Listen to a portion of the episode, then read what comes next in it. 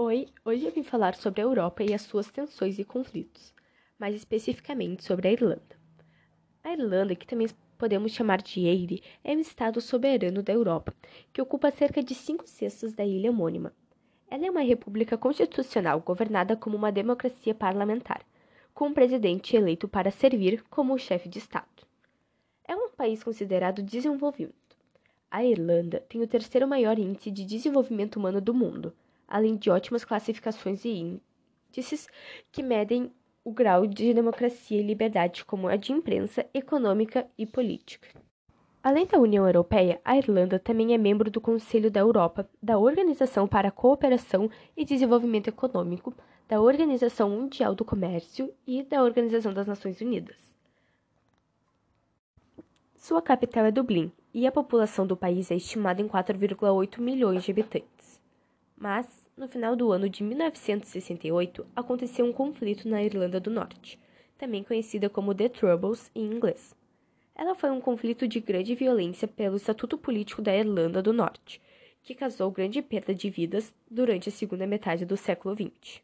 O conflito durou cerca de 30 anos, começando em 1968 e terminando em 1998. Em primeiro lugar, essa guerra se tratava da população protestante em favor de preservar os laços com a Grã-Bretanha e o outro lado da população católica em favor da independência ou da integração da província com a República da Irlanda, e ao sul, país predominantemente católico.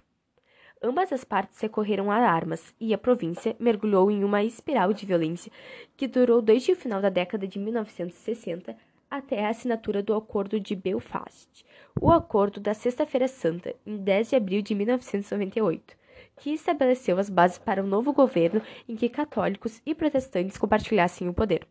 No entanto, a violência continuou após essa data e ainda continua de forma ocasional, mas em pequena escala.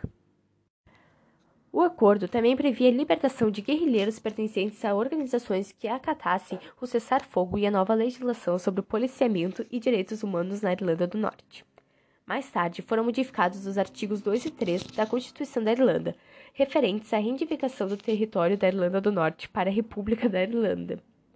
O IRA anuncia formalmente o fim da sua campanha armada de 36 anos. Abre aspas. Todas as unidades militares do IRA foram ordenadas a abandonar as armas. Feche aspas. Afirma o grupo em um comunicado. Abre aspas. Todos os voluntários foram instruídos a ajudar no desenvolvimento de programas puramente políticos e democráticos por meio exclusivamente pacíficos. Os voluntários não devem se envolver em nenhuma outra atividade. Feche aspas. De 1970 a 1972, um pico de violência política ocorreu na Irlanda do Norte. A violência atingiu o auge em 1972 quando quase 500 pessoas, pouco mais da metade delas civis, perderam a vida. Foi o pior ano de todo o conflito.